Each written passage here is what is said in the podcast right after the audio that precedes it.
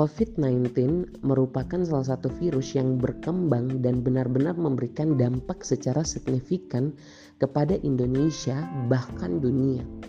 Namun, secara khusus di Indonesia, ada kebijakan dari pemerintah yang mana itu menimbulkan hal yang kontradiktif.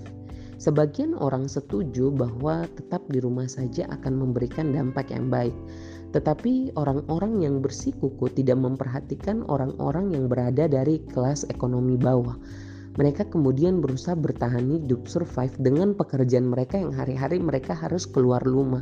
Nah, ini adalah dua hal yang sangat berbeda. Namun di sisi lain pemerintah terus berusaha untuk mencegah dengan cara yang baik karena melihat pertumbuhan case di Indonesia terkait dengan virus ini terus meningkat setiap harinya.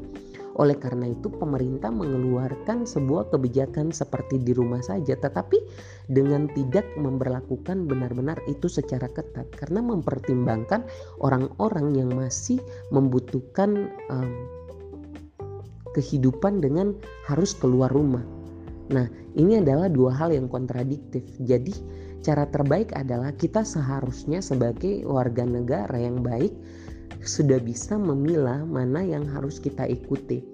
Oleh karena itu, kebijakan yang dikeluarkan oleh pemerintah kita harus benar-benar ikuti karena itu sebagai solusi yang sudah dipikirkan secara matang oleh pemerintah. Tidak mungkin mereka mengeluarkan kebijakan tanpa memperhatikan kebutuhan dari masyarakat Indonesia kita.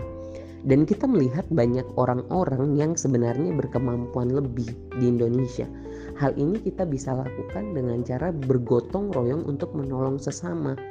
Nah, dengan begitu kita bisa mengajak sebagian besar masyarakat Indonesia untuk stay di rumah dan tentunya penanganan akan virus ini bisa cepat selesai.